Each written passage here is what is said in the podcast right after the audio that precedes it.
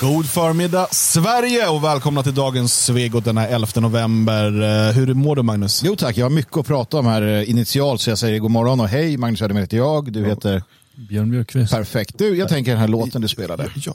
Ja, du heter Dan Eriksson Tack, förresten. tack, du är programledare, vår älskade inte. ledare. Nej, det är inte. Don Dan som vi kallar dig här. Nej, nej jag, Du är ansvarig nej, för allt som jag är sägs. tekniker. Allt som sägs, allt som Nej, görs. För inget föreningen, ans- inget för ansvar. Svegot, Nej. för mig, mitt liv. Jag säger upp mig. Mina, mina, mina, min, min lycka, min välgång. Det är ditt ansvar. Varför har du varit olycklig så länge då? Eh, För att du har varit taskig mot mig. Du bryr dig inte om mig längre Dan. Vet inte vad som hände. Vad vill du säga? Jo men den här låten här hemma vid. Som, Som inte ni som lyssnar nu efteråt, efteråt hör. Men Om ni vi- inte kollar på hela videoversionen efteråt. Precis, men det var en låt som hette Hemma vid. Ja. Eh, och när du spelade det klippet så stod det kass humor. Ja. Är det här, skulle det där vara humor? Nej, nej, nej, nej, det är ett humorgäng, men de kör också väst, alltså slätta romantik och sådär. Ja, men de skoj, de driver de gör ju också det här, äh, de gör ju det de också driver med liksom slätta Ja, precis. Men nej, det där ska inte vara, det där är alltså det, det är lite humor med så traktor och snus Jo, jo, jo, och sådär. precis. Det är Jag förstod det, men- men, men det är ju fortfarande gjort med hjärta Ja. från människor som älskar sitt... Precis, för det var dit Slätta. jag ville komma. Eh, För att det var ju 100% sant. Jag skulle väl i säga att de kunde säga Skaraborg eller liksom, alltså i norra västra Götaland Ja, ja, mer än Jag så här tror inte Göteborg. alla eller som bor där har en kilometer till närmsta granne. Nej, det kan ju vara en del som inte har. Men jag, för när jag lyssnade på det här så blev jag så glad och bara tänkte det så att ja, men det händer någonting nu. Alltså den här urbaniseringen i bruten och, och de som är i städerna, vi kan lämna dem där. Ärligt talat, alla ni som är i städer, jag, jag bryr mig inte längre, ni kan vara där. Jag bor i en stad. Alltså, jag satt och kollade lite på siffror. Jag, Hallå, mi- mi- nej, men du kan inte bara Jo. säga att jag är Jo, men bäst lugnt, jag ska berätta. Ja. Jag satt och kollade på siffror. Bor man i en stad med över 20 000, då är ni döda för mig. Du lever i en stad under 20 000, du är inte död för mig. Det är bara så, jag orkar Jag inte kan med säga, allting. säga att på den tiden man eh, levde eh, i Stockholm och man är uppväxt, uppvuxen där, då hade man ju aldrig gått med på att kalla Mariestad för en stad. Nej, nej. Det är en bondhåla. Men alltså det är ju riktigt trevligt. När, så när de sjunger där om slätterna och nej, jag blir, så, jag blir så rörd. Jag vill aldrig mer bo i en stad kan jag säga på en gång. Aldrig. Det, det finns inte. Vad säger du? Ja, nej jag vet inte, jag, jag håller med Dan där om att det, det är ju olika syn på vad som är en stad och sådär. Så, så är det. ju. Jag bodde ju i Borås en period. Ja, det är ju en stad. Eh, det är ju en ganska stor stad. Också Sveriges tråkigaste stad. Ja, de säger det. Eh, och det ligger nog mycket i det. Eh, men jag hade besök från Stockholm vid ett tillfälle, eh, varpå den här personen sa att Åh, nu känns det att man är ute på landet när vi gick i centrala stan. Jag bara, vad fan.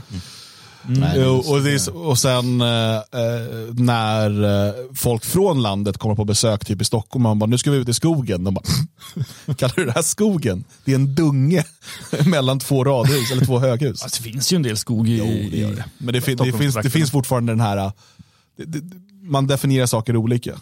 Men den var bra den där. Men jag, jag kan också rekommendera då Ola Aurells eh, Landet, tror jag den heter. Det är också en ganska riktig beskrivning eh, utav landsbygden. Sen är det lite mer skeptisk. Lite mer skeptisk. Väldigt men, mycket mer skeptisk. Ja, men det finns också en viss sanning i det han skriver. Naturligtvis tillspetsat, ganska rolig. Framförallt när han konstaterar att fruarna ofta har ursprung i Phuket. Ja, just det.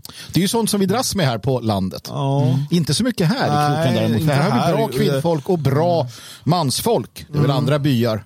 Det känns som en, framförallt ett Norrlandsfenomen, eller?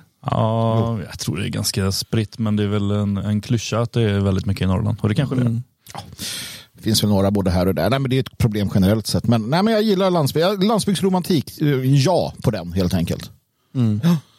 Ska Rödjan få högre säkerhetsklass? Ja, jo, men jag vet inte om det är den typen av invånare jag tycker att varje stad ska utöka med. Nej. De hade ju det fantastiska fängelset mitt i stan förut, slottet där. Det är ju eh, hotell och restaurang nu. Ja. Restaurangen heter Vatten och bröd. Jag har funderat på att bo där det- någon natt lite och kul. återuppleva gamla minnen. Ja, ja det, det är fint. Uh, Okej, hörni. Eh, Ja. Vi har ju ett segment som vi ska återkomma till, eh, har vi lovat. Och Björn påminde oss här i morse om att vi måste återkomma till det där segmentet som vi har lovat. Ja. Jag har ju lovat. Ja. Ett löfte är ett löfte. Till skillnad från på motgifttiden, då löften bara var någonting vi sa, så är det numera någonting vi håller. Eh, och eh, för er som inte minns då, eh, så ska jag ge er bakgrunden. Det är så att eh, eh, Bilan Osmans eh, pappa, det är så Pappa han, Osman. Pappa Osman. eh, eh, Daddy Boastin Osman. Uh, ska vi se om vi kan göra så här för er som tittar på videoversionen. Han eh, lovade ju oss alla eh, att eh, lämna Sverige. Han sa att det går inte att bo i Sverige eh, om man är svart längre. Nej.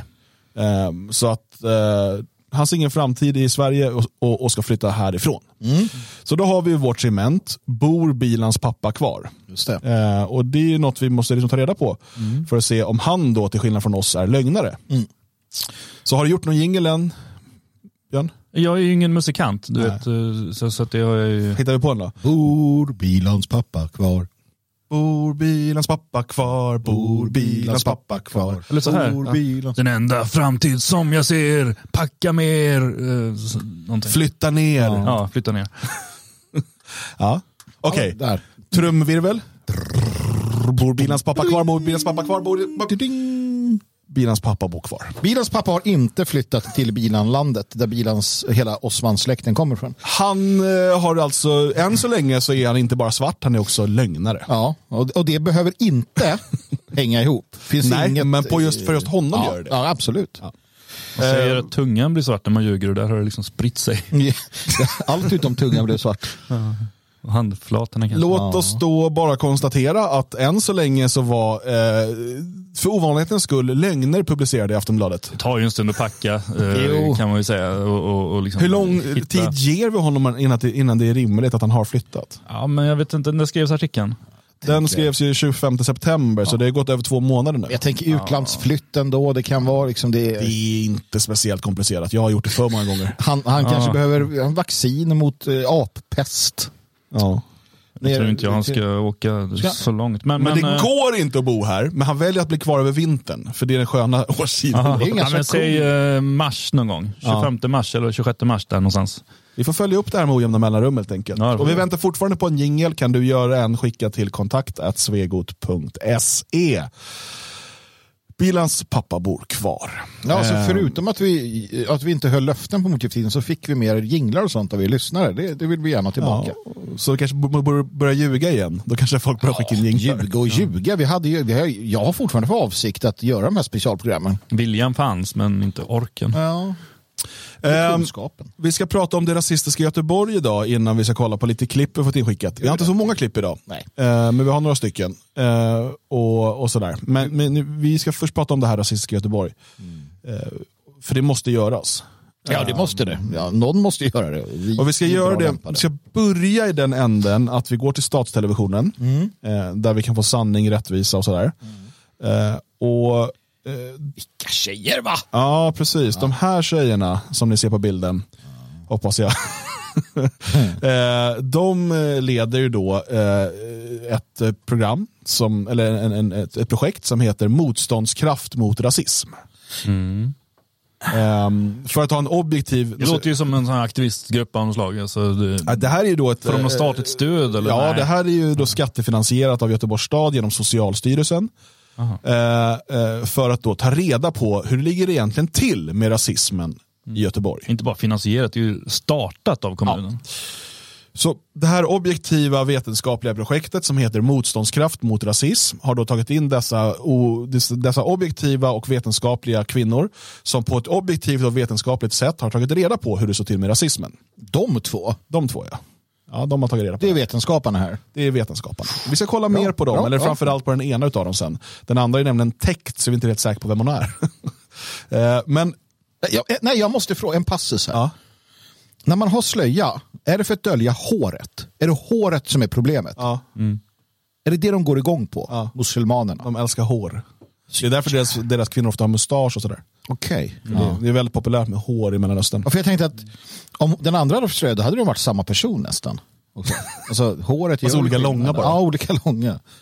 Ja, och vet man ju inte, hon kan ju ha annan hårfärg. Ja, Svart klart. hår eller färg. Nej, jag bara- Men, tänker men okej, på vi, vi ska Okej, prata om de här människorna sen. Men det finns ju ändå någonting i att eh, om man ska göra något sånt här så bör man ju då tillsätta människor som ska ha någon, någon typ av objektiv ingång i det hela. Och så här, okej nu ska vi undersöka hur mycket rasism har vi. Ja, fast det är ju inte lika roligt. Men vi kan ju lyssna bara på det här inslaget och vi kan börja där för jag tycker att det är en bra utgångspunkt. När man frågar dem eh, vart brukar du gå när du utsätts för rasism? Så är det mest vänner och familj de pratar med. Man har inte en tillit till eh, institutionerna. Man, man litar inte på att något kommer hända med ens anmälan. Men det kan röra sig om fler än 65 procent då många ungdomar förknippar rasism med hatbrott. De tror att sådana här små saker, om man säger så, som att till exempel bli misstänkliggjord när man går in i butiker eller få mikroaggressioner riktade mot sig, inte Om vi bara börjar här med att hon använder, pratar om mikroaggressioner riktade mot sig. Mm. Låt oss konstatera, är hon, är hon möjligen, ska man säga, stöpt mm. i en ideologisk skola av något slag? Nej, det tror jag inte. Alltså, ja. Jag skulle nog säga tvärt där, att hon är det. För att det där med mikroaggressioner är ett ganska nytt påfund som kommer ifrån hela den här BLM, ja, alltså, rasifierade jo, rörelsen. Precis, det, det, är en det del fanns liksom inte innan. Nej, nej, utan det här är ett påhitt på som de sen har tryckt in via liksom genus och mångfaldsstudier och så vidare i universitet. Och det här det är det här som jag tror att en del inte riktigt förstår sammanhangen mellan eh, den långa marschen genom institutionerna och hur kulturmarxismen infiltrerar universitet och så vidare mm. och vad det får för praktisk verkan. Mm. För många verkar tro att universiteten är en typ av skyddad verkstad. Man kan stå och skratta åt Södertörns högskola, mm. vad dumma de är. Ja, men det som händer sen över tid är att varenda utredare, varenda person som ligger till grund för lagförändringar och så vidare kommer att ha gått igenom de här utbildningarna mm. och därmed också använda den typen av eh, metodik och, och, så, och därmed få också det här ideologiska resultat mm. som man vill producera.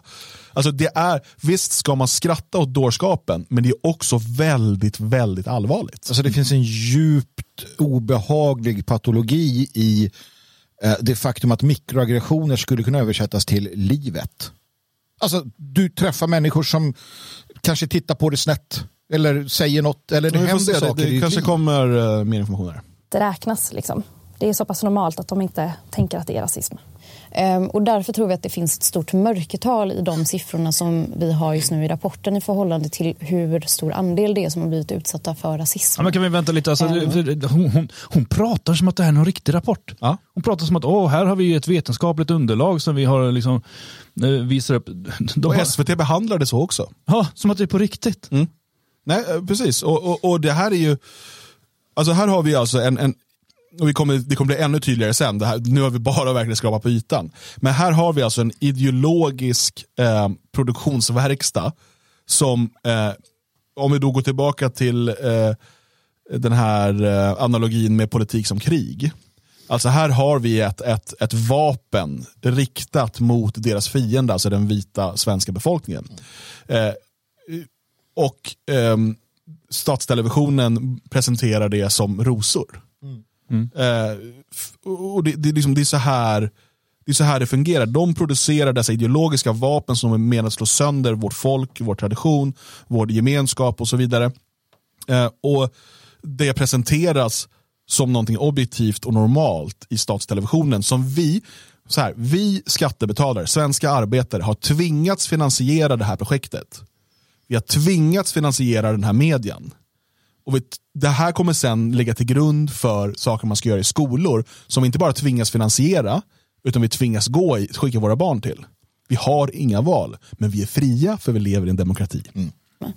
Ehm, att ungdomar helt enkelt inte vet hur rasism kan se ut eh, och kan få för uttryck. Förstå mm. att de, de, de vet inte ens om att de är utsatta för rasism. Barnen de, springer runt nej. och skrattar och är lyckliga liksom, och förstår inte att de är utsatta för rasism. Nej.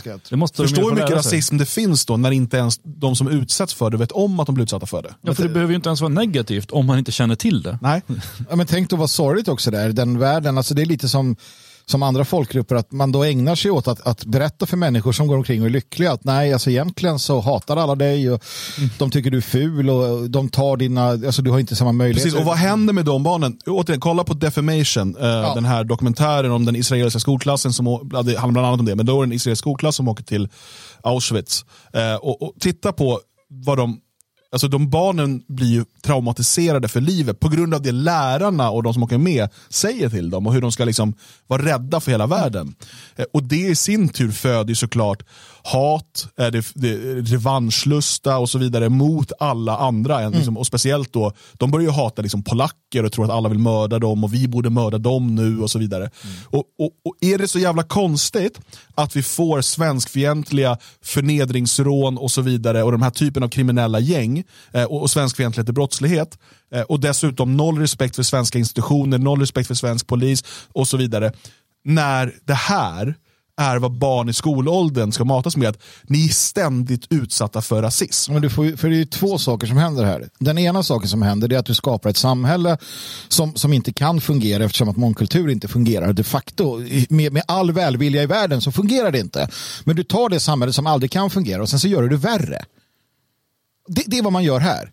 Så att det, det hade varit illa men det blir bara värre och det drabbar oss. Det drabbar svenskarna som hängs ut och vi ska ju titta närmare på hur de här betraktar oss sen. Sen Men är är det ju det lite hönan och ägget måste jag säga. Ja. Ja. För det är, jag tror ju inte att, att det hade varit bättre. Jag tror inte det hade varit färre förne- förnedringsrån och sånt där utan det här. Men det, blir ju, det det skapas ju ett alibi där man... Ja, ja, jo, ja, ja, så här. De problemen vi har i Sverige, det är inte likadana problem i alla länder med liknande massinvandring. Eh, Det finns liknande problem, men de är inte, alltså i Sverige är de extrema. Eh, Den här typen av till exempel förnedringsrån och så vidare eh, ser vi inte alls lika mycket i andra länder trots att de har liknande eh, invandring. Eh, I alla fall när jag försöker prata med liksom vänner i Tyskland och Frankrike som har stora problem med det här, men just den typen av eh, brottslighet. Jag, jag, jag tror att den här, det här kan mycket väl hjälpa till. Jag tänker att om vi drar det ett steg längre eh, där man etablerar sig Sen, sen, säga, sen tror jag inte att saker hade fungerat bara för att man slutar med det här. Nej, men om, du, om, du, om du drar ett steg längre och, och, etablerar din dominans som amerikanska södern eller i Sydafrika under en period där du har ett system där du då kon- konstaterar att det är så här det är, då, då, saknar du, då finns det ju inte överhuvudtaget. Det funkar inte i längden, precis som vi är inne på, men, men visst, du kan ju... Okay. Vi håller vidare då. Men är det ens värt att anmäla när man blir utsatt för rasism? Självklart. Eh, om man anmäler så blir det ju statistik och när man har siffror på att många utsätts så kommer ju också insatser gö- göras. Liksom. Vad är det hon säger här egentligen? Om vi bara byter ner det. Hon säger att ni utsätts för så mycket rasism. Eh, ni vet inte ens om det. Ni utsätts för rasism hela tiden. Och ni ska alltid anmäla det. Varför då? Inte för att någon kommer bli dömd. Inte för att det ens kanske ens finns något brott som har begåtts. Utan för att det blir statistik. Ja. Och statistik leder till insatser. Så det hon uppmanar här är ju massiva okynnesanmälningar för att få till eh, kanske då mer skattepengar till hennes olika projekt eh, och, och, och få till mer antivita, antisvenska lagar. Och, och, och jag vill ju säga då uppmana alla som lyssnar på Svegot att alltid anmäla svenskfientliga eh, alltså om du utsätts för Det finns ingen statistik på det.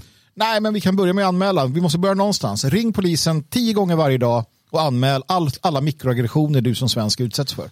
Om Varje, alla varje gång det- du ser ett rasblandat par i tv, Ja. ring och sätt en mikroaggression riktad mot mitt folks överlevnad. Men det är det, de här skäms ju inte för. Vi skulle ju inte göra sådana här saker. Men de här skäms ju inte först. De tänker att okej, jag, är inne, jag är inbegripen i ett krig mot svenskar. Jag gör det här. Ni svenskar är dumma i huvudet. Ni gör ingenting. Bra, jag kommer vinna. Och vi kommer sitta där och bara, ja, nej, men vi vann inte.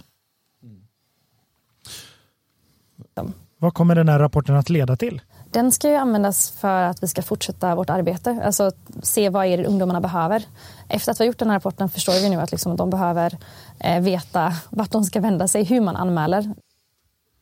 Det är liksom poängen med det här eh, tvångsfinansierade, alltså Göteborgs arbetare har tvingats finansiera den här rapporten som ska leda till massiva okynnesanmälningar som ska dränka en redan ansträngd polis eh, i, i de här anmälningarna så att det kan leda till, vad sa hon? Eh, Vart de ska vända sig, hur så att de kan få ännu mer information om vad de ska anmäla och göra ännu fler anmälningar. Det är liksom anmälningarna som är att anmäla så fort man känner en mikroaggression. Och en Och sen är mikro... det också att de måste lära sig att det är rasism de, de upplever, så att de vet om det. För Ja, just det. annars så blir Precis. det ju, så att det inte bara anmäla, utan det blir, måste ju bli kurser nu, så att folk känner sig förtryckta. Vi pratar alltså då, eh, enligt Miriam och kollegan Somo kan det bland annat handla om nedsättande kommentarer eller kränkande komplimanger som ungdomarna inte uppfattar som rasism. Kränkande komplimanger är typ så här, det är så fint med ditt krulliga hår. Ja. Det är ju en kränkande komplimang. Ja, ja, det är det. För att då är det inte... Alltså, Miriam kan ju det här. Alltså, och hon- det ska man anmäla. Ja. Spring till polisen. Ja. Vad sa, sa hon att du fint, du var fin i håret? Nej, nej, det här skriver vi ner. Nej, men och sen är det ju så att Miriam är en, en, hon kan ju det här på riktigt. Hon, hon implementerar den här ide, de här idéerna varje dag som lärare. Eh, varje, och det, det säger hon ju själv. Allt hon gör går ut på att föra in rasism i, eh, i läroplanen. Precis. Eller- Vem är den här Miriam? Vi kan bara börja där. För sen ska vi kolla på ännu sjukare saker från Precis. den här, eh, det här projektet. Men den här Miriam då som, som eh, då vi öser skattepengar över för att hon ska lära, eh, lära oss alla vad rasism är. Eh, hon är med i eh, Svenska Dagbladet här. Och eh, Hon jobbar ju då som, som lärare på Hovåsskolan där hon själv gick. Tidigare som elev. Eh, för att hon behövs som förebild för icke-vita elever. Den är väldigt homogen säger hon. Ja, men, men låt oss bara fundera då. Hade vi kunnat haft en liknande artikel, vi säger de två svenska elever som går i skolan i Tensta. Mm. Att vi har, en vit, vi har en svensk lärare, att jag behövs som förebild för de vita eleverna här. Nej. Ja, men man måste alltid vända på det bara för att förstå Mm. vad det är hon säger och förstå att, att S, Svenska Dagbladet har liksom inga, de tycker att det här är rimligt. Ja, det är klart att du behövs som förebild för icke-vita. Men det är, det är för att vita är en majoritet. Vi, vilket hon Vi vid kommer till senare sen. tillfälle kommer själv säga att så är det ju inte. Eh, Ja. Och ska vi se, hon, hon eh, eh, berättar här, eh, hon berättar att lärarkåren är väldigt homogen. Det finns till exempel ytterst få lärare som liksom henne är praktiserande muslimer. Ja, det finns få som tror på någonting. Citat, jag kände att jag behövde som förebild för eleverna som inte själva är vita på den här skolan. Mm. För de icke-vita eleverna är jag en person de kan vända sig till som skapar trygghet för dem. Lo- återigen, inga kritiska frågor till henne om det här. Nej, nej. Betyder det att icke-vita kan bara känna, jag säger inte emot henne, men jag försöker utgå från Svenska Dagbladets nu mångkulturella liberala världsbild. Betyder det att icke-vita kan bara finna trygghet i andra icke-vita? Det måste ju i sin tur betyda att vita kan bara finna trygghet i vita. Så varför låter vi icke-vita vara lärare åt vita barn? Alltså, Borde inte Svenska Dagbladet och eh, Jasmine, eller vad fan hon heter, Miriam, gå ut till storms mot att vita barn tvingas ha icke-vita lärare? Jo. De ska, Jo, det- kan inte de få känna trygghet? Men det, det, det där är ju en del av en djupare eh, problematik eh, som visar att det inte fungerar. Det kan aldrig fungera. För att hon har ju rätt i allt väsentligt. Eh, det är klart, du på individnivå kan hitta andra, men, men generellt sett så man drar sig till sina egna och så vidare. och så vidare. va. Men det, Ja, men för det är också samma sak som vi upplever när man, när man tittar på äldreomsorgen och sådär. Det, är det är ju ett himla liv när svenska eh, åldringar på hemmen säger att "Ja, men vi vill ha svenska personal för att vi förstår inte vad de säger, vi har problem med kulturskillnader och sådär. Och det blir skrik om att ah, det är rasism, eh, personalen måste ha rätt att jobba som vanligt och sådär. Däremot tvärtom är ju inga bekymmer. Ja, men nu ger vi stöd så att det kan startas en, en, eh, turkisk, ett turkiskt ålderdomshem för att de behöver ju på ålderns höst ha, ha människor som förstår deras språk. Då, då är det ju en helt annan sak. Det, det är ständigt de här skillnaderna. Svarta och, och vad de nu är har rätt till sitt eget, men vi ska inte ha det. Nej. Nej, det, och det är ju för att i grunden så är hela hennes världsbild och hela den dominerande maktvärldsbilden, hela strukturen, är antivit och svenskfientlig. Hela målet med den politik som har förts i Sverige i minst 50 år och det som eh, Miriam och hennes vänner driver på, det är det totala folkmordet på vårt folk och alla andra vita folk. Det, är, det är målsättningen. Hon har möjligtvis inte formulerat den för sig själv, men det är där hon hamnar. För att allt ska göras för att göra det sämre för våra, våra folk i våra egna hemländer. Eh, och det måste man ha klart för sig. För, återigen, politik är krig. Det förstår hon och det måste vi också förstå. Hon är en fiendesoldat som vill mörda oss och våra barn här genom propaganda. Hon säger det själv. Att integrera, i rasism, att integrera rasism i undervisningen är Miriam Hai Jones hjärtefråga. I bild, som är hennes enda ämne i år, tar hon upp vilket bildspråk som används för att utmana människor från olika grupper historiskt och idag. Alltså nidbilder och rasistisk reklam. För engelska, lektion, engelsklektionerna har hon utvecklat ett helt eget upplägg där hon bland annat utgår från termer kopplade till rasism. Hennes uppgift på den här skolan är att fylla vita barn med skuld och skam och ge trygghet till icke-vita barn. Det här är, alltså, så här, det här, hon är en fiende till vårt folk och, och du som har barn i den här skolan bör se till att hon inte kan fortsätta där. Det är fint också att hon eh, använder exempel som Malcolm X till exempel i sin undervisning. Hon, hon berättar också att eh, istället för att använda en specifik lärobok som inte är obligatorisk så använder hon då gärna nutida artiklar om demokrati och värdegrundsfrågor. Vilka dessa artiklar är vet jag inte. Men någonting säger mig att de, de ligger så att säga att, att, att, det, att det, tonvikten är partiklar producerade av sådana som hon själv. Vilket gör att de är starkt eh, rasifierade som det kallas då, vänstervridna på olika sätt och vis. Eh, såklart då understryker hennes idéer. Um, men, men den här människan är det som den sen då Göteborgs arbetare eh, tvingas finansiera att driva ett projekt som heter Motståndskraft mot rasism. Ja, jag hittade precis här hur det gick till när hon fick jobbet här. För att jag Berätta. hittade eh, när de sökte någon Mm. att anställa för jobbet. Och eh, då står det så här kvalifikationer. Eh, vi säger att du som söker har en kandidatexamen inom relevant område för projektet. Eh, det ska handla om till exempel mänskliga rättigheter, social antropologi, pedagogik eller beteendevetenskap. Eh, Sen är det lite mera bla bla bla. Men sen kommer det här. Det är av stor vikt att du har god kompetens om rasism och erfarenheter av antirasistiskt. Punkt. Eh, Du har erfarenhet av arbete i en förening eller organisation som har arbetat antirasistiskt. Så det är, alltså, det är alltså aktivister man har sökt. Det, det är inte Precis. bara liksom någon med rätt Och det är utbildning. ju för att på aktivist. myndigheten sitter aktivister. Ja. För, för det, återigen, det är så här det funkar. Infiltrationen av Sveriges, Sveriges institutioner och omvandlandet av Sverige från svenskarnas rike till Sverige AB har skett delvis genom den totala infiltrationen utav och skapandet av den, den svenska djupa staten som består av dessa aktivister runt om i myndigheterna vars, vars enda syfte är att driva folkmordet på svenskarna framåt. Eh, alltså, hon, det, så här, jag vill bara läsa då, också här från Svenska Dagbladet.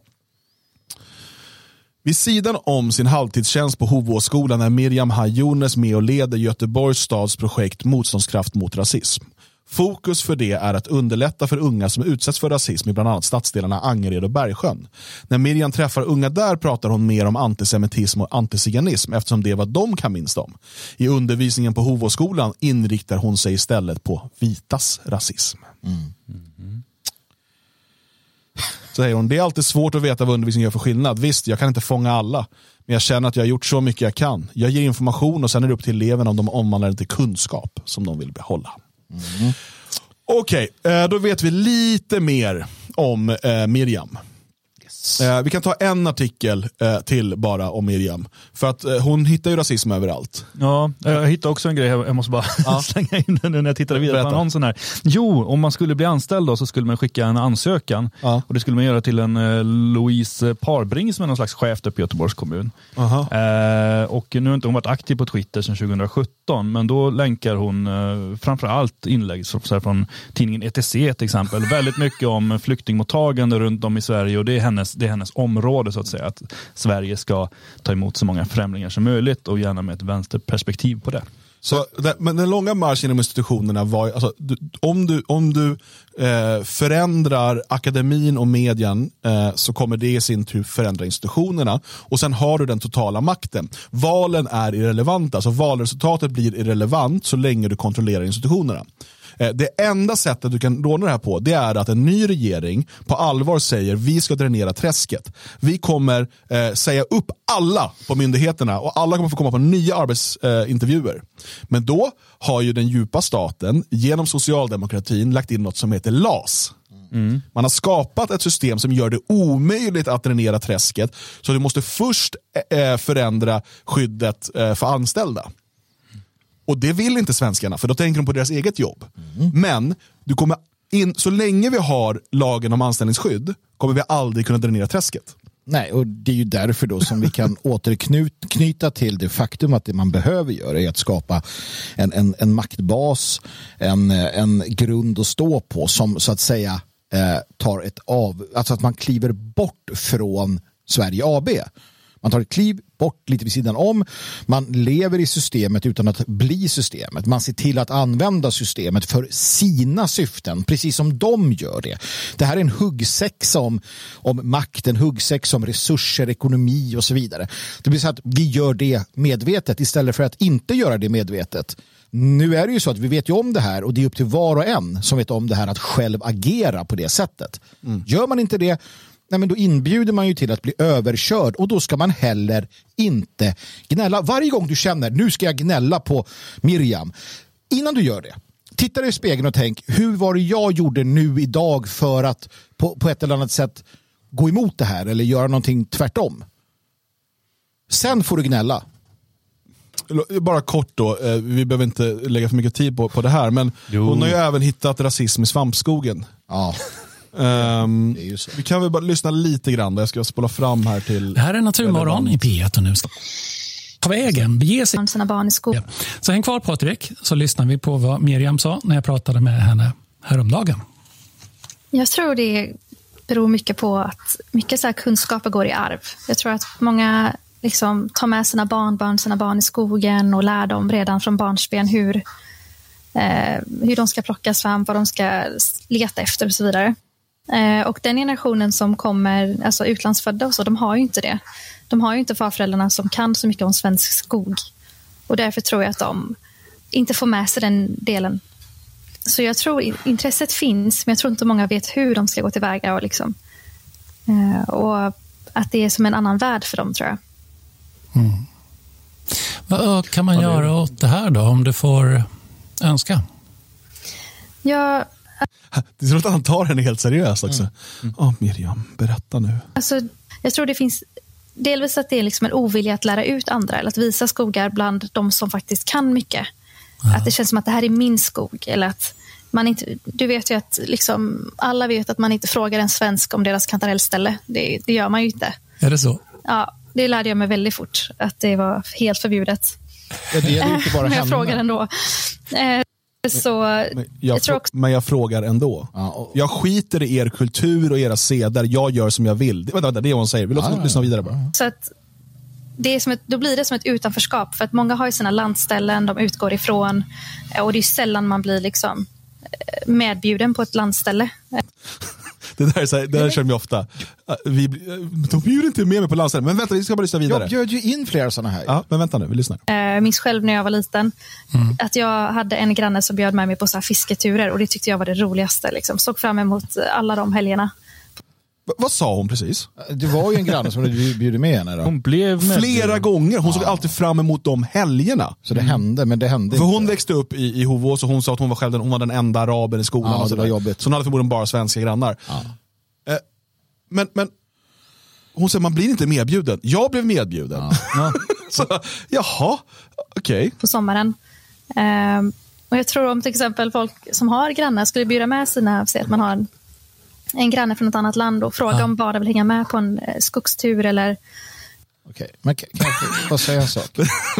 har ni inte förstått rasismen? Brukar du gå till flyktingförläggningen innan du ska plocka svamp? Nej, just det. Då är du problemet, Magnus. Men hon har ju missat en ganska central punkt här. Det är att I Sverige så, så här, behovet av att bjuda med grannar överallt finns inte. Om jag går ut i skogen så går jag ut i skogen. Ja. Träffar jag någon i skogen säger jag, jag hej. Jag tror aldrig... Alltså, vi, vi, kanske bara plockar bär eller sådär någon gång eller två per år. Men jag har aldrig i hela mitt liv gått och frågat någon annan om de ska med. Jag har haft med familjen i sådana fall. Ja. Jag vet inte, de kanske i, i, i Mellanöstern kanske man har ett annat socialt liv. Man kanske bjuder med grannar Jo, jo, men vi gör inte det. Nej, men hon, säger, hon vet ju, hon, hon, hon, känner ju till, hon bara, man frågar inte om äh, svenska kantarellställe, men jag gör det ändå. Ja. Men så här, varför pissar du på oss hela tiden? Ja. Så här, eh, det jag ska säga det, eh, jag fick lära mig att man, man frågar inte svenska kantarellställen och det får jag ju respektera. Eh, men det vore kul att veta var man kan hitta kantareller. Men, tänk om... men, det, men eh, de försöker få det till en invandringsfråga jämt och ständigt, mm. allt sånt där. Men vad fan, jag, jag vet människor alltså, som har så här, min farfar har ett kantarellställe. Han berättar inte det för mig. han, kom, han, har sagt att han ska berätta det när han inte orkar gå ut längre. Det är liksom så här, det berättas inte, Nej. det är hemligt.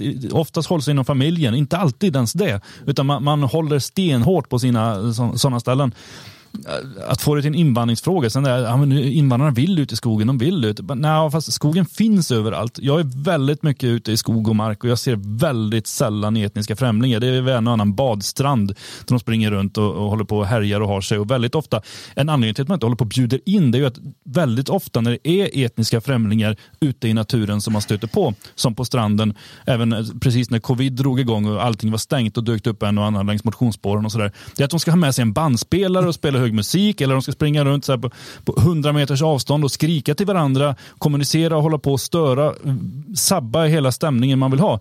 Tro fan att man inte bjuder in främlingar då. Mm.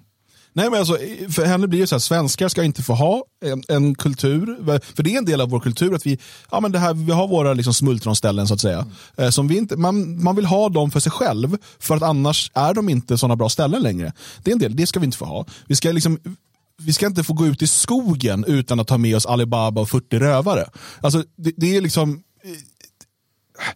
hon är en så genomsvenskfientlig person. Hon är ond. Ja, ja absolut. Alltså, själva grunden i hennes hela resonemang är att svenskar måste bli som hon ja. och hennes kultur. Svenskar ska inte få existera. Eh, kanske då på nåder om de är som henne. Har inte vi pratat om det här klippet förut? Eller är det någon som har sagt precis samma vi har, saker? Det har varit tidigare om det här med svampskogen. Jag vet inte om det ja, var det här. Och, och fjällvandring och liknande. Och skid, skidor och sådär också. Skridskor och liknande. Eh, men okej, okay, då har de det här motståndskraft mot rasism som alltså finansieras av eh, dina skattepengar. Mm. Eh, och eh, vi kollar in deras Instagram. Härligt. Och nu fick vi ju lära oss ett och annat kan jag säga.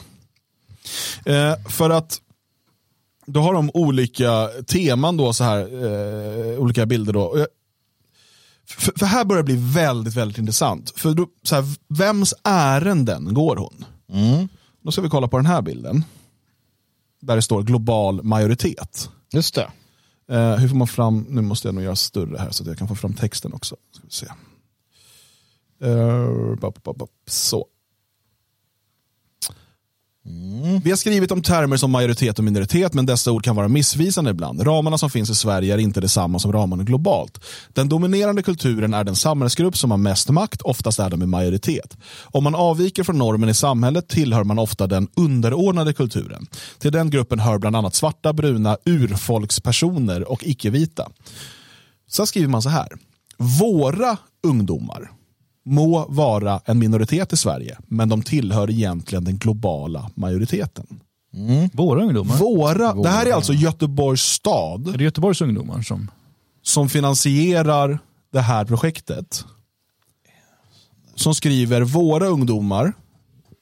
Och uppenbarligen menar alla utom svenskarna. Mm. Ja. Återigen, om du inte förstår att det här är en fiende som vill förinta dig och ditt folk när de skriver så här. Hon är upp, alltså hon, hon, hon uttrycker det, eller det projektet här uttrycker det väldigt, väldigt tydligt. Ja. Att vi representerar våra ungdomar, alltså alla icke-svenskar.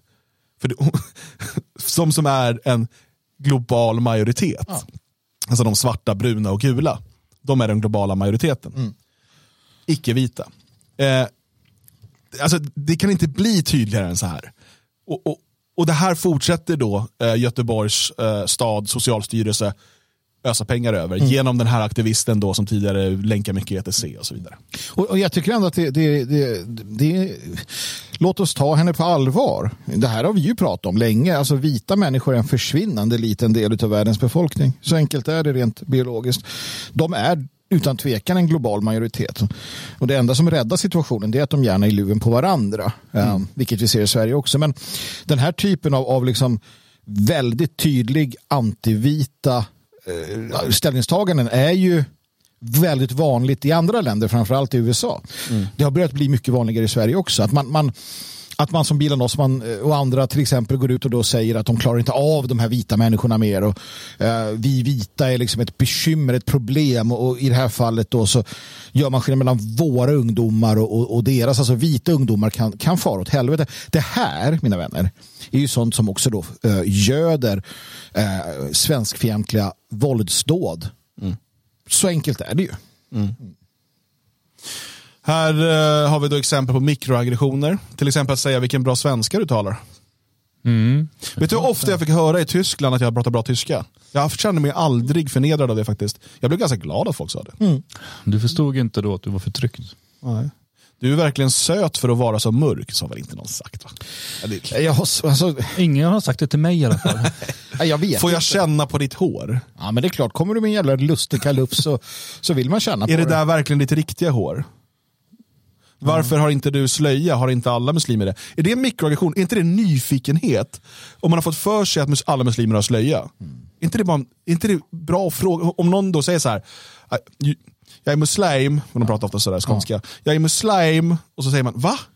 Jag trodde alla muslimer hade slöja. Nej, så kan de förklara då. Ja. Nej, nej, utan det är en kulturellt, kulturellt uttryck som vissa bla bla bla. Ja, det är ett förtryck. Men, men det är det jag sa, det här är ju livet. Det är Var, som- var, utan, var inte alltså- nyfiken på muslimer. Ställ inga frågor. Ställ dig på knä och liksom böj dig ner och säg Jo. ta mina pengar, ta mitt land, förinta mitt folk. Eh, jag har inga frågor att ställa. Tack. Det var ju det jag var inne på tidigare, det här är ju livet, det kallas livet för oss vanliga människor. Det vill säga att man till exempel då är gravid och så kommer någon och säger, åh är du gravid? Någon som vill, vill känna på en någon främling som ska känna på magen. Det där är sånt som händer och då säger man nej, eh, gör gärna inte det. Det är något klumpigt, liksom, folk är klumpiga, man gör konstiga saker, man anmärker på saker, något som är nytt och bara, "Vad, har du har en tredje arm, det var lite konstigt. Eller man stirrar på någon som är utvecklingsstörd. Alltså det är en massa saker människor gör. Det kallas livet. Förr i världen så lärde våra barn, jag blev lärd att liksom låt det rinna av och så vidare. Du är bra som det är. Hela den där. Det är jättefint att höra. Det är inte en aggression. Nej. Det är inte det var, ju- det. det var ju ytterligare, livet. det var ytterligare eh, förtryck där som, som eh, vi hoppade över. Men, men det ena var ju så här att ditt namn är svårt att uttala. Kan jag säga någonting annat? Som att det en, en, alltså vi, vi har en grupp människor som kommer till Sverige som tycker att de ska kunna uttala saker precis hur de vill för att de inte kan svenska. Somliga skiter helt i att lära sig svenska ens. Och så blir de förbannade när man har svårt att uttala deras konstiga namn. När de kommer till ett annat samhälle liksom, och bara förväntar sig att vi ska kunna deras konstiga uttal. Galenskap, då är det väl snarare om någon frågar, är det okej om jag säger så här istället, som jag, något som jag kan uttala? Nej, din förtryckare, din förtryckare. Nu ska jag, ska jag anmäla det här. Så Och så, så är frågan så här, var, var, kommer, var kommer du ifrån egentligen? Ja.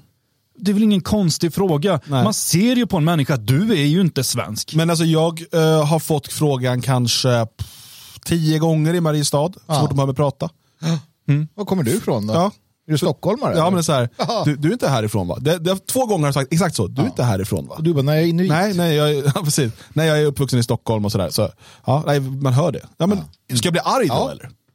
Det är en Det är rimligt? Du ska ringa polisen. Ja, det kallas livet som sagt och det har de ingen, de har ingen möjlighet att klara det tydligen. Alltså det här var ju, inget, det här var ju inte ett, så här också, det här var inte ett problem innan de bestämde sig för att det var ett problem. Nej, nej. Att, att, man, att man i plugget frågade den lokala svarta killen om att få känna på hans kalufs, det var ju något vi skrattade åt. Han, blev inte, han mådde inte dåligt, jag mådde inte dåligt. Um, alltså, det fanns Alla inte. fick hjälpa han med matteläxan, så behövde det vara ge och ta. Ja, precis. Jag vet inte hur det var. Jag vet inte heller. Matte, lilla gruppen liksom. Ja. Men återigen, det här är skatt. Alltså det, ja. det gäller att förstå vad som pågår och att, och att våra, vårt folks fiender är väldigt alltså, välfinansierade. Vi försöker liksom rodda en, en lit, ganska liten förening, jag menar, vi har några tusen som har löst medlemskap och sådär, men, men, men och en ganska alltså, minimal budget, vända på varenda krona för att kunna producera någonting. Eh, de här får liksom skattepengar större än vår budget för att sitta och göra lite bilder på Instagram och, och skapa den här rapporten. Eh, förstå det och förstå därför behovet av att du stöttar, inte bara stöttar, du finansierar eh, nationella projekt som du tycker är bra och som du tror på. Det fria Sverige och, och Radio Svegot eh, Logikförlag är tre sådana exempel. Alltså, eh, fundera på hur mycket du betalar i skatt och hur mycket du investerar i nationella alternativ. Nu har inte alla råd med det, men det optimala vore ju om man hade lagt lika mycket till nationella alternativ som man betalar i skatt. Ja, återigen, jag förstår att de allra flesta inte har råd med det. Men det bör vara målsättningen. För då kan man åtminstone försöka jämna ut eh, spel, alltså, oddsen lite grann. Jo, men det finns ju två sätt att se det här. Och jag menar, det är ju så i, i, alla grupper, även bland de här människorna. Det, det finns ju de som, som så att säga, tar det på, på fullaste allvar och anpassar sina liv för att maximera Eh, Eh, så att säga, man maximerar uttaget och minimerar insättningen till den, den entitet som man inte ser sig som en del av i det här fallet då Sverige AB. Antingen tar man det på fullaste allvar och försöker anpassa sitt liv för att göra detta eller så gör man inte det och ser det allt, allting som en hobby, en konsumtion eller bara någonting kul. Um, och, och det finns massa sådana människor och det är inte fel i sig. Eh, det är klart jobbigt för de som anpassar sina liv efter att se att majoriteten inte gör det, självklart. Men också hos dem som säger, nej men jag, jag ser inte det på samma sätt som du, men jag vill hjälpa till så gott jag kan. Det är ju det det handlar om som du var inne på där Dan.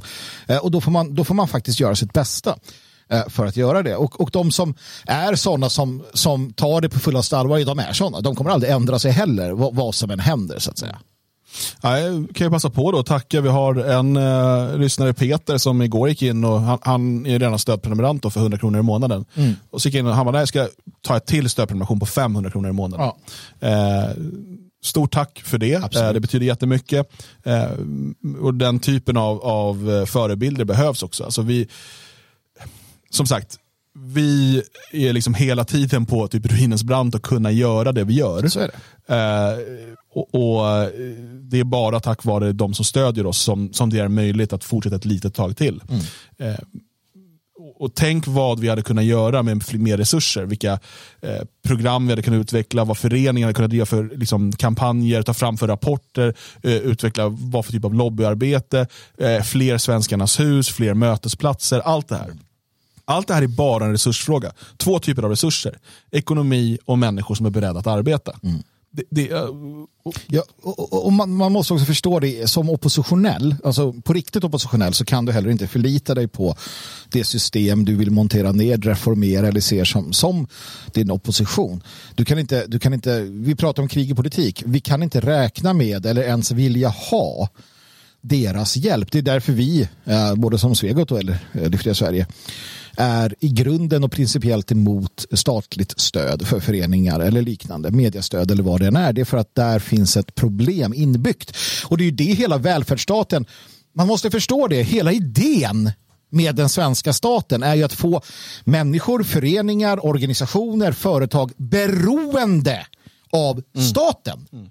Du som människa är beroende av staten när du tänker på att du är beroende av välfärdssystemet. Du är inte fri. Du sitter där i din jävla skolåda till lägenhet, går till ditt jävla jobb, betalar din jävla skatt och är så jävla rädd för att bli utkastad ur denna sinnessjuka gemenskap av störda människor. Och du tror att du är fri. Det är man ju inte. Det är man ju först när man, när man är på riktigt tar den som tar klivet bort från Sverige AB. Och gör man inte det så är man inte fri. Och det måste man inse för då mår man lite dåligt hela tiden när man inser att man är ju inte fri.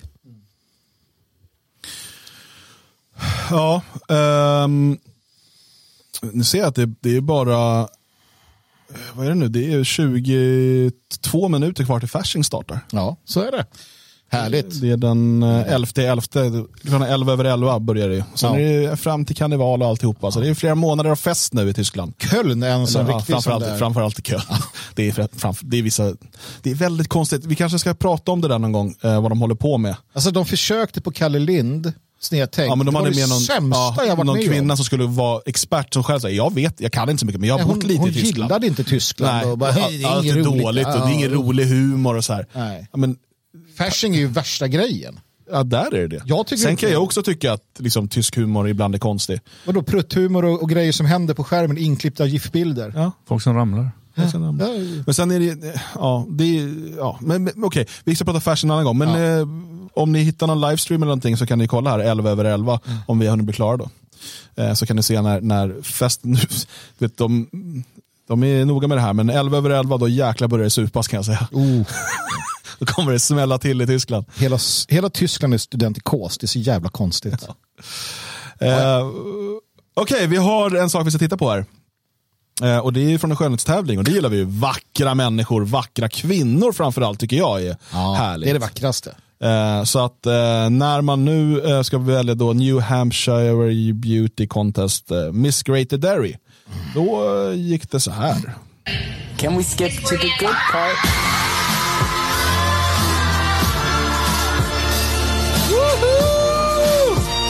Grattis Brian!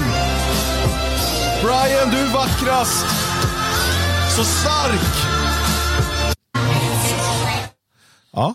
Uh, är det vi har här då alltså? Grattis, men jag vet inte, jag, vill bara, jag tycker det är kul med vinnare. ja, fast du har missat det här. Det är alltså en skönhetstävling. Det var den vackraste kvinnan i Greater Fast det var en Derry. man.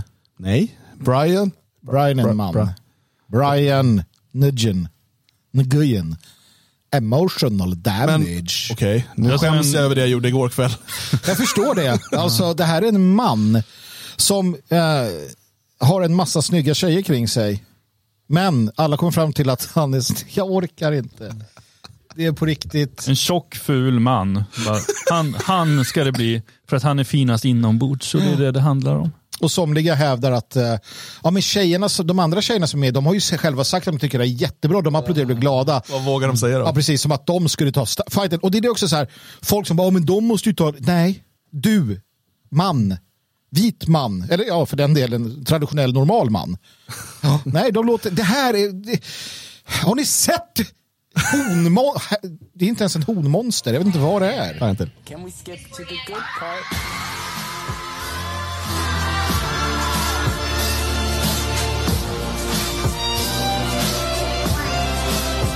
Kolla alla snygga kvinnor bakom som Ja. applåderar och är så glada. Ja, De bara, nej men det är klart att, att han vann. Han är ju en snyggare tjej än jag är.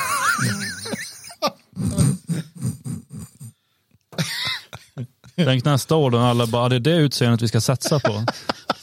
Som i Melodifestivalen sen, när någon speciell låt vinner i- internationellt så ska alla köra ungefär samma just det. musik året efter. Så nästa år blir det bara liksom, eh, manliga paddor som... Ja, men Björn Björkqvist, var inte Lucia från början en man? I, I svensk tradition när vi lussa. Jo, det var han. Han det var killar. Sen bytte vi. Sen byter vi kön. Just det. Så att där, där skedde ett byte. Lucia var en man. Ingen av oss är ful, Wetterstrand. Vi är tjocka, vackra män. Det, det är den stora skillnaden. Jag skiter i vad han, om han tycker att jag är snygg eller inte. Jag bryr mig om vad tjejer tycker. Jag vet att Ja, Wetterstrand, Maria Wetterstrand. Maria Wetterstrand är förlåt. ett exempel på. Men, men eh, jag menar, Man kan heta Wetterstrand fast man är tjej. Jag trodde det var ett mansnamn innan jag tyckte du sa det. Jag tänkte på han Bill Nugent här. jag, jag ställer ju å andra sidan inte upp i en skönhetstävling för kvinnor.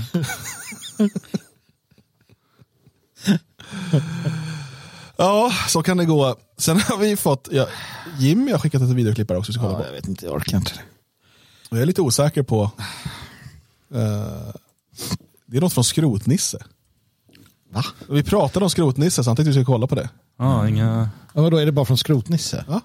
Ja, ja. vi kollar hela Skrotniss. Ja, visst, vi kikar väl på det då. Jag vet inte, jag, Lite oväsen ni för. Fy sjutton. Skräpa ner och föra oljud Jävla byråkraten. mitt i stan. Det är för bedrövligt. Usch! Vem fan är du? Åja, försök inte att vara uppkäftig. Mitt namn är Ture Björkman. Jag är stadsingenjör och har en del att säga till om i den här stan. Och jag har inte tid att stå här och diskutera. Försvinn för helvete! Och visa dig inte mer, för då smäller det. Det lovar jag. Lugna dig. Ja. Äh, det, det, där var ju, det där var ju inte på riktigt. va, nej, vadå? Det där måste varit klippt. Inklippt med röster va? Eh, det är jag inte säker på. Det lät som deras röster. Nej, det är nog, det är bara att det är väldigt dåligt ljud. Ja, ja, ja. Så de, det där var... Ja, men det, är, det. Det, var, det är väl eh, sonen där, väl Robert Gustafsson, hans första roll i tv. härligt sunt anti, anti-byråkratiskt, anti... Nej, men den, den är fake. Är den fick? Tror det. Konstigt annars kan jag tycka. Men, Riktigt bra läppsynk och allting. Grymt bra jobbat. Hoppas du gör fler i en kommentar. Ja. då känns det som att det var det kanske. Men i alla Men det fall. var snyggt. Uh, rösterna var ju... Ja, de kan jag klippt in i och för sig. eh, Ja, röster från andra delar. Ja. i, ja, i, Och, ja, för det är lite svårt att se public service sända. För att det är lite Den samma eh, förakt mot byråkrater som det var i den riktiga. Ja. Sen blev jag lite så här, ja, men var det verkligen så mycket svordomar? Men, men ehm, ja. Men de svär en del i originalet Ja. säger de här. De var, ja, Ja, det, det är, nu är det krig mellan Mattias och Furfag i chatten här, huruvida de svor eller. Vi kör på Ja. det.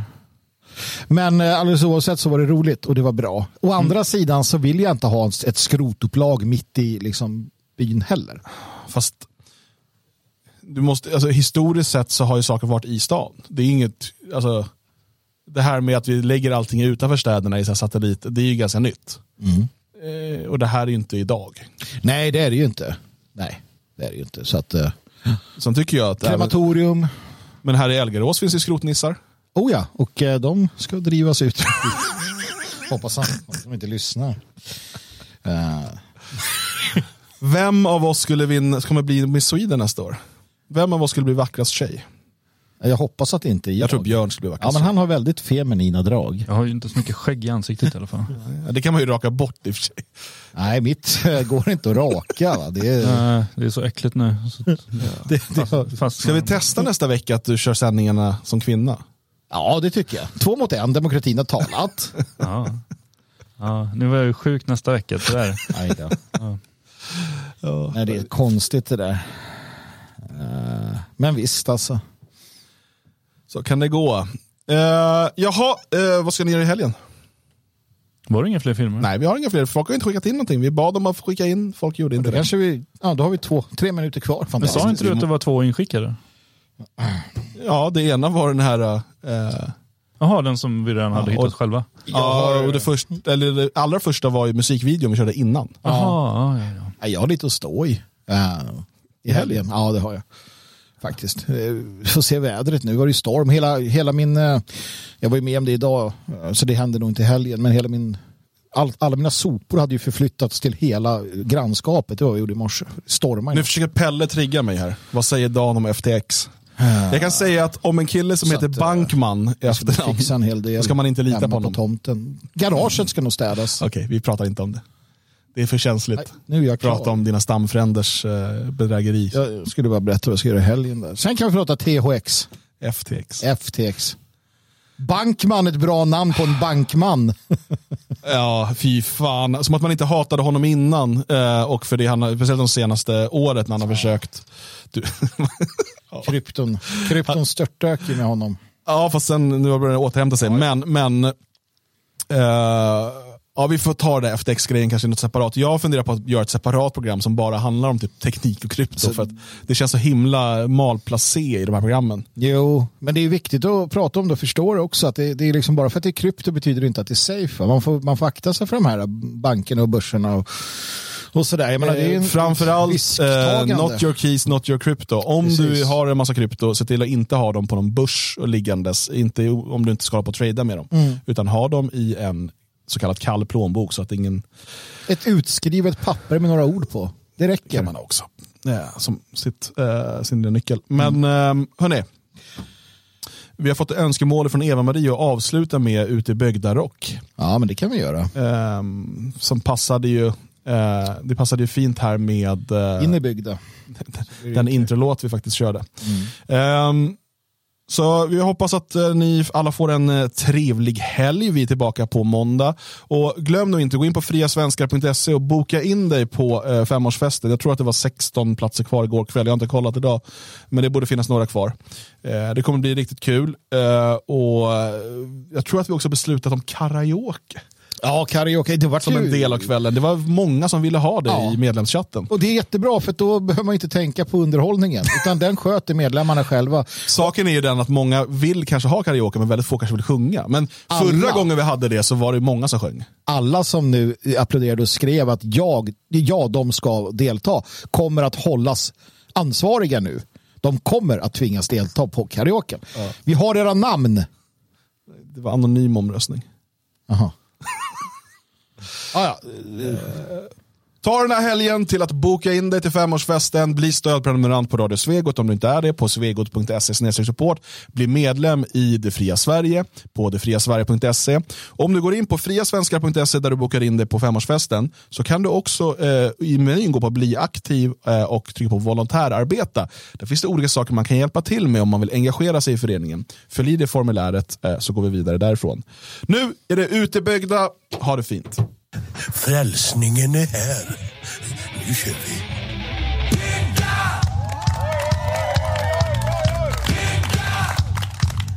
Jag är en helig präst. Nu gör vi det vi kan bäst.